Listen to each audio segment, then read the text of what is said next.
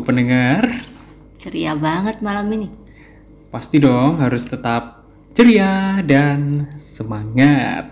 Apa pun yang terjadi, tetap sehat, tetap bahagia. Sehat semua? Semoga semua dalam ke- keadaan sehat ya, Amin. dilancarkan rezeki dan jodohnya. Dilancarkan persiapan pernikahan yang akan kita bahas. Yeay. Malam ini nih. Jadi malam ini eh, malam ini pada kesempatan ini kita akan membahas tentang persiapan pernikahan. Wah ini udah kayak kursus persiapan pernikahan di gereja ini. Nanti kan di tengah-tengah ada pretestnya. Oh iya, oke. Jadi tolong dipersiapkan ya. Dicatat, Dicatat, direkam. kita kasih kuis. Padahal ini udah direkam ya. Kenapa direkam lagi? Nanti ada quiz, quiznya pakai Kahoot. Kenapa sih kita bahas tentang pernikahan ini? Ya, kan bertahap dari pacaran, proses pacaran seperti apa. Oke. Lalu eh, sekarang hari ini temanya adalah persiapan pernikahan. Hmm, kok ujuk-ujuk menikah itu? Apakah ada suatu kejadian mang menginspirasi pembicaraan kita Ya. pada saat ini? Ya sebetulnya ada satu kejadian yang cukup uh, dekat gitu ya dengan apa yang akan kita bicarakan. Jadi sekitar dua minggu lalu uh, grup WA keluarga kan agak rame nih karena adik saya Mm-mm. yang jarang post di grup tiba-tiba pot- pasang foto kalau temennya nikah Nana itu masih semester 2 adik saya namanya Nana ya semester 2 Semester 2 SMP. kelas 9 pak Oh, semester Oke. semester 2 di eh, fakultas eh di ya fakultas kedokteran ya program studi kedokteran yang notabene Kedokteran gigi hewan. Eh, ini spesialis gigi buaya Pak. Oh, Oke. Nah, jadi shock banget dia di di tengah teman-teman dan dia lagi pusing ujian eh ada temennya yang sudah menikah di usia yang masih sangat muda gitu ya. Wah, Menurutmu gimana? nggak apa-apa sih. Ya nggak apa-apa sih bebas. Eh, cuman Kan ini sudah pernah ku omongkan juga kan di podcast yang pertama mungkin cinta pada pandangan pertama langsung will you marry me? Oh, langsung yes kayak frozen kayak frozen frozen. Hmm, Oke, ya tapi agak mengagetkan sih bagiku. Yang pertama selain dari umur, yang kedua dia masih kuliah. Terus yang ketiga itu kan kayaknya nikah itu butuh persiapan yang cukup matang gitu ya. oke jadi harus digodok Benar-benar dipikirkan gitu ya. seperti gudeg Ya. Oke, kalau kita ini sih intronya panjang banget. Oke lah. oke Pokoknya eh, kita mau bahas mengapa mempersiapkan pernikahan itu perlu Mm. dan juga apa saja yang harus dipersiapkan ya tentunya.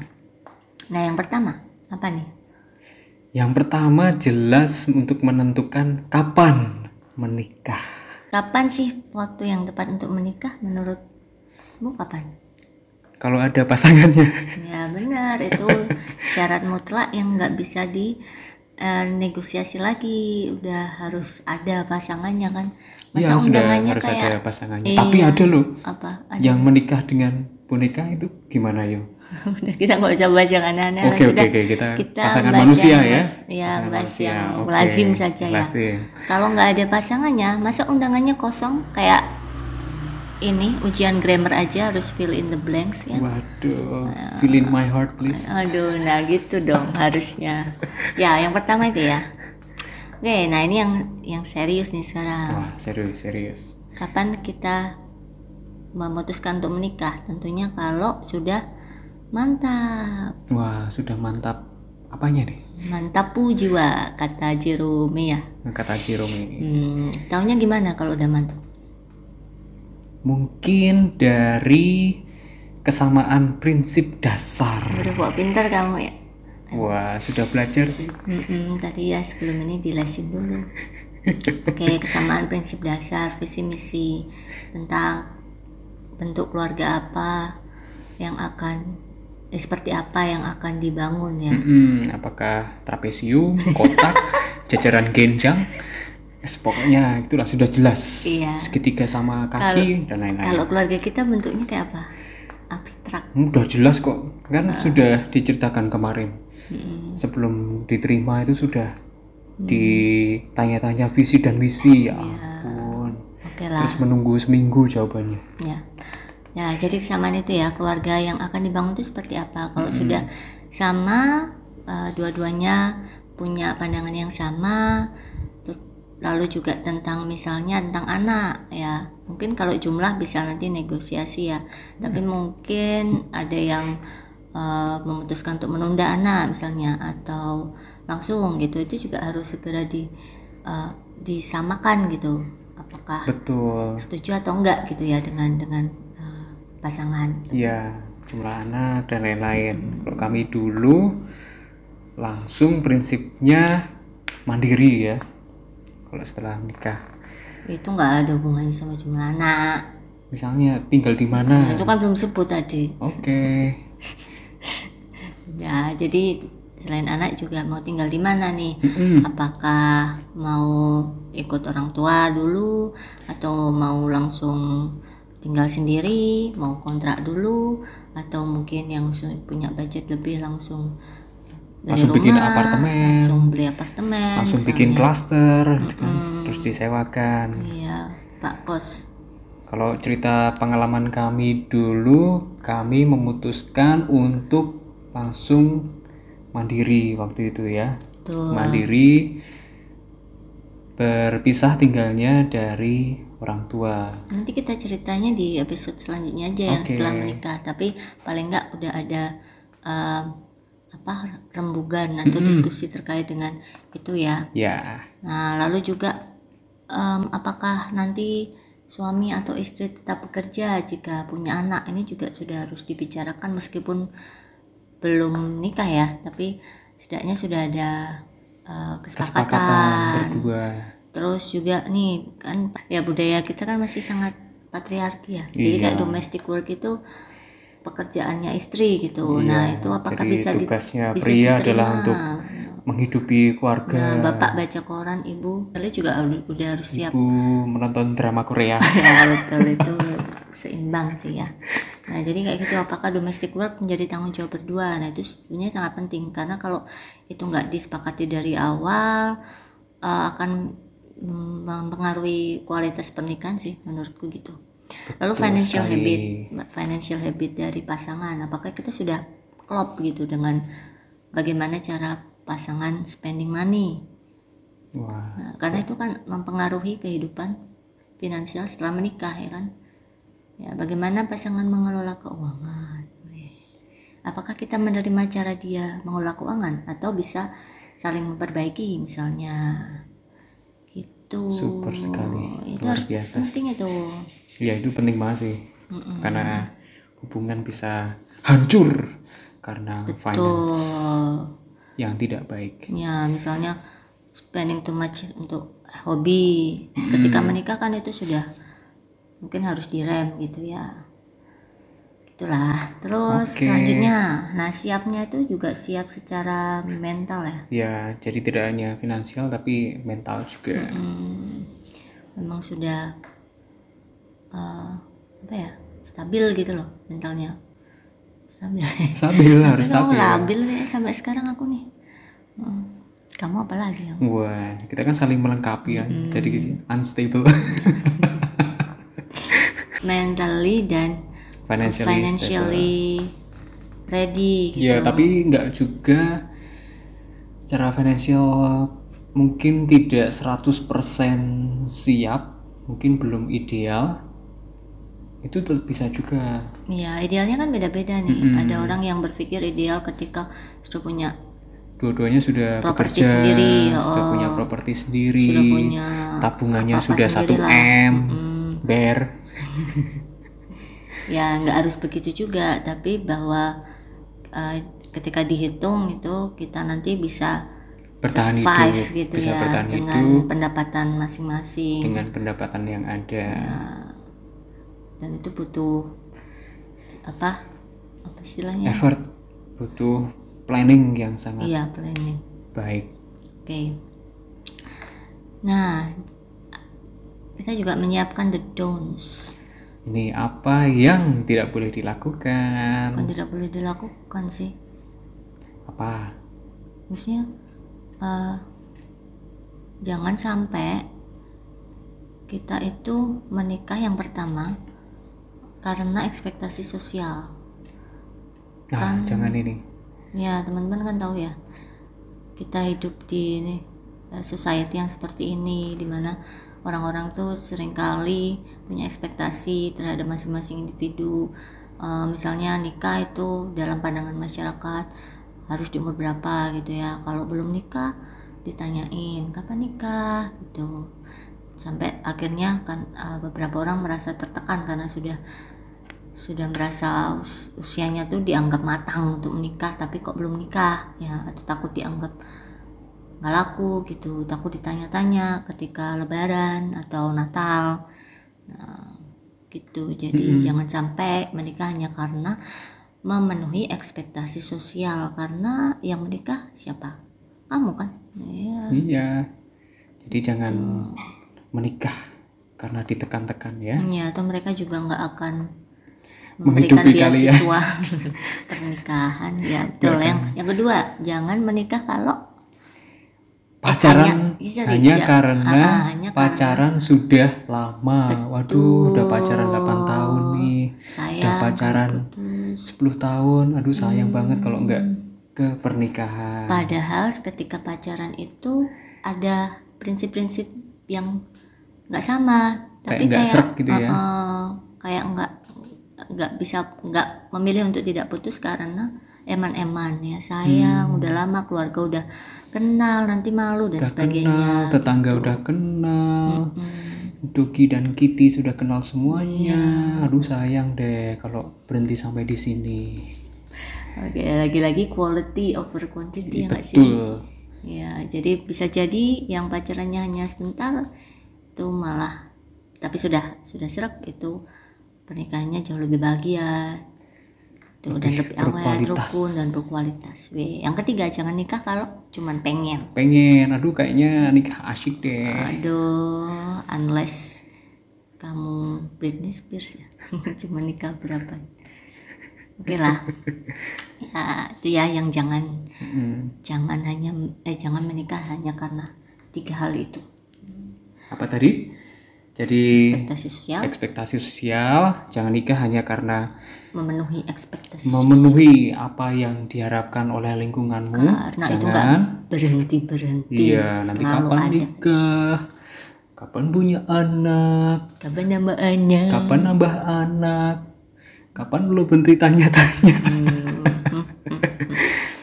Terus jangan nikah karena pacaran sudah Hanya terlalu- karena hanya pacaran. karena pacaran sudah terlalu lama dan jangan menikah hanya karena pengen. Betul.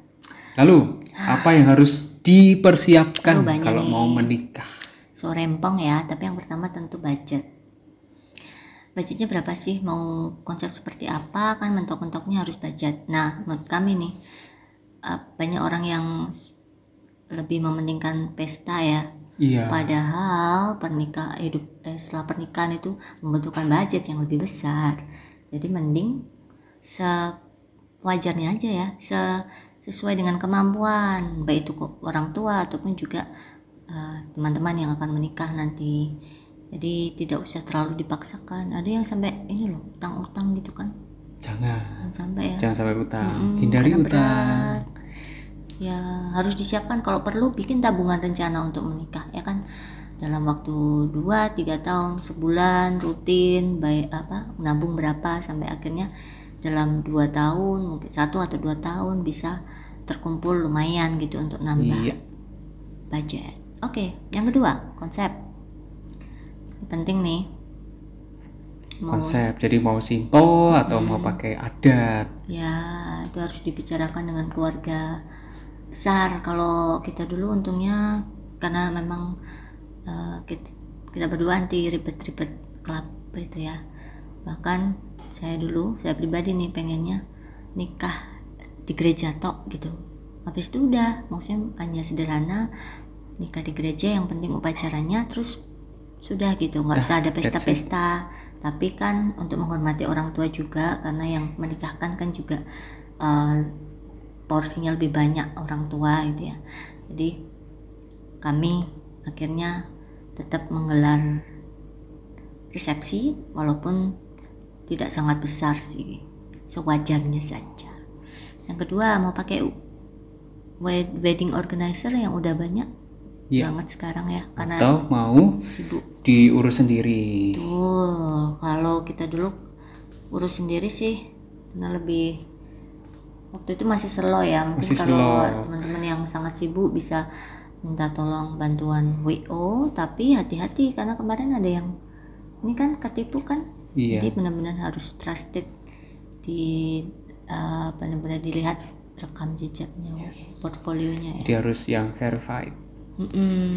tapi memang kalau ngurus sendiri cukup melelahkan uh, waktu dan juga tenaga yang jelas sampai kadang-kadang ya ada perdebatan di antara kedua mempelai gitu ya mempelai. tapi kalau pengalaman kita dulu seru sih ya. Mm-hmm. kayak semua ngurus sendiri bahkan sampai ini aku inget bikin kata-kata di label souvenir itu loh aku yang bikin loh. Iya. Yeah. kata-katanya tuh nggak terima kasih atas kehadiran dan doa restu bapak ibu nggak gitu.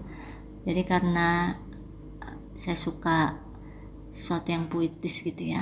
Jadi kata-katanya begini terima kasih telah mengiringi perjalanan cinta kami dengan doa Hmm. Boleh melting, ditiru melting. ya, tapi nanti pakai apa namanya citation ya. Oke. Okay. APA atau MLA citation? APA 6th edition. Oke. Okay. Oke, okay, um, yang selanjutnya yang perlu disiapin, yang jelas jumlah undangan.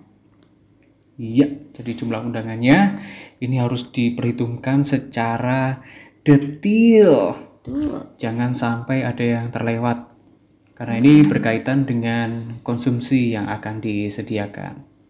Ya, jangan sampai kurang, sangat pamali, lebih baik dilebihin daripada dipres ya. Iya, karena, karena kalau sampai kurang presiden itu yang buruk. Presiden yang buruk akan Malah. selalu terngiang-ngiang, iya. diingat-ingat sampai kita menutup mata. ya, begitulah. Oke, nah terus beberapa tips ya atau saran nih. Misalnya sudah ketemu tanggalnya langsung yang tanggal pertama, cantik ini tanggalnya perlu dihitung secara adat nggak nih ya perlu lah oke. Okay. mm -mm. tanggal lahir uh, yang cowok plus tanggal lahir yang cewek dibagi dua dikali sepuluh. Oke. Okay. tanggal baik biasanya. Tuh jadi kalau udah dapet tanggal langsung booking tempat karena itu yang paling urgent ya. Hmm, biasanya tempat ini yang mm banyak sekali menjadi ganjalan. mm Sudah ketemu tanggalnya, tempatnya. ternyata tempatnya sudah di booking orang iya, lain. Jadi harus jadi harus cepet-cepet. Terus apa lagi ya? Oh iya beberapa tips nih uh, kalau menikah. Oh kalau sekarang sih agak bingung ya menentukan musim hujan sama musim kemarau. Tapi misalnya di saat-saat bulan-bulan yang sering hujan kan dipikirkan juga um, kemungkinan hujan ya? Iya. Hmm, lebih baik mungkin Jadi mau pagi atau hmm. kalau di musim hujan mau di indoor aja. Ya gitu. Kecuali bisa menyediakan pawang hujan yang strong. Ah atau mau melempar celana. Hmm. Celana sendiri ya, jangan ya. celana tetangga. Oke, terus pengalaman dulu ya. Kami menikah itu setelah Lebaran. Amin. Eh, H plus seminggu. Mm -mm. Nah, itu ternyata harga-harga masih naik sampai 30%. Ya, meskipun di satu sisi uh, kenapa milih tanggal lebaran karena itu mayoritas masih libur gitu ya. Lalu keluarga masih kumpul. Dua pertimbangan dasar itu, tapi uh, untuk harga ternyata cukup uh, berbeda gitu. Jadi harus dipikirkan juga priwet ya mungkin ada yang punya budget lebih mau priwet yeah. seperti apa ya sekarang udah banyak udah banyak sih pilihannya sekarang hmm. kalau kita dulu ngirit ya ngirit dulu kita menggunakan jasa fotografer terkenal teman kita sendiri. Dan kita tempat priwetnya juga sangat terkenal tapi gratis. Mm-mm. Alma mater di kampus di lorong cinta Sanata Dharma dan di rumah jamur. Nah, oh di rumah jamur dan itu justru simple sederhana tapi sangat berkesan ya nggak sih Iya. nah terus aku mau ngomong ini satu hal yang mungkin banyak eh di- belum banyak yang bahas nih sebelum nikah eh, kami dulu melakukan yang namanya premarital check up Iya, ini apa itu? Premarital check up. Premarital check up ya check up kesehatan aja. Dan itu sekarang sudah banyak paket-paketnya disesuaikan aja sesuai kebutuhan. Tapi mungkin orang-orang masih bertanya ya kenapa sih perlu premarital check up? Menurutmu kenapa yang? Biar itu ketahuan kesehatan masing-masing pasangan antara pria dan wanita. Dan juga untuk mengecek jika nanti ingin punya omongan ya. Mhm. Oke, tapi em, mungkin ada yang berpendapat loh kalau mau nikah kan harusnya sudah em, menerima orang itu apa adanya, jadi nggak perlu tahu. Menurutmu gimana? Menurutku ya kita harus mengetahui orang itu lebih dalam lagi. Hmm, Kan kita sudah tahu dia secara fisik, kepribadiannya. Nah, sekarang kita masuk lebih dalam lagi ke organ-organ tubuhnya. Udah. Nah, kalau menurutku nih ya, premarital check up itu adalah bentuk kejujuran dan keterbukaan kita kepada pasangan. Ya, sesuatu uh, pernikahan ya, itu suatu pernikahan itu harus dimulai dengan kejujuran, kepercayaan. Karena kan menikah itu kayak bekerja dalam tim untuk mewujudkan suatu goal gitu kan Iya. ya. Nah, bagaimana kita bisa mewujudkan suatu goal kalau kita tuh nggak tahu nih siapa member yang ikut siapa anggota kita tuh seperti apa Iya. gitu. Jadi selain secara finansial ya harus terbuka, itu juga kesehatan harus terbuka tahu misalkan kondisi kesehatannya seperti apa itu harus dipahami dua-duanya dan juga mungkin yang akan merencanakan langsung punya uh, baby itu sangat penting karena untuk yang cewek biasanya ada paket torch nah untuk tahu apakah ada infeksi tokso atau tidak gitu. Kalau ada infeksi tokso kan lalu ada treatment yang bisa dilakukan. Tuh terus aku dulu cewek nih aku juga vaksin. Aja dari tadi. Namanya vaksin nyiapin aku aja cegah kanker serviks. Mengapa? Kita tentu berdoa tidak ada uh, hal yang buruk akan terjadi ya. Tapi yang namanya vaksin menurutku investasi. Mungkin orang pikir lumayan itu waktu itu satu paket tiga kali diberikan tiga kali itu total sekitar duaan lah dua jutaan lah. Sayang gitu ya dengan uang uh, se- sejumlah itu. Tapi it- bagiku itu investasi karena sebagai perempuan kita juga harus melindungi diri kita juga ya karena itu kan kayak kalau nggak salah pembunuh nomor dua ya? Iya, setelah setelah nggak tahu. Jantung. jantung kali yang Iya. nggak ngerti aku ya. Pokoknya dia sangat Ya nanti dicek bahaya. lagi ya. heeh, mungkin kami salah gitu. Tuh jadi itu pilihan ya. Jadi eh, seandainya ada budget lebih atau memang mungkin disiapkan untuk itu menurutku eh, bagus sih tiga kali itu. Oke udah sih kayaknya itu aja Kayaknya itu aja ya yang harus dipersiapkan ada tambahan nggak ya sebelum menikah. Gak ada deh, udah kenyang nih. Hmm, kayak kamu di mana oke gitu sekian dulu dari kami semoga bermanfaat Semoga bermanfaat yang mau menyiapkan pernikahan atau yang pengen lihat-lihat dulu. yang mau berangan-angan dulu juga Ya. boleh kok mumpung waktunya masih banyak untuk boleh kok lihat-lihat dulu boleh. untuk analisa Cek-cek dulu resiko boleh, ya. iya. Mm-mm. Oke, Oke, makasih sudah mendengarkan. terima kasih sudah mendengarkan Bocoran untuk episode berikutnya apa? nih? berikut episode berikutnya. Oh, Wah, menarik deh pembahasannya Finansial kali ya. tentang keuangan. Mhm. Oke oke oke, pas banget lagi tanggal tanggal muda ya. Oke, begitu. Oke, terima kasih banyak sudah mendengarkan. stay healthy and happy. happy. Bye.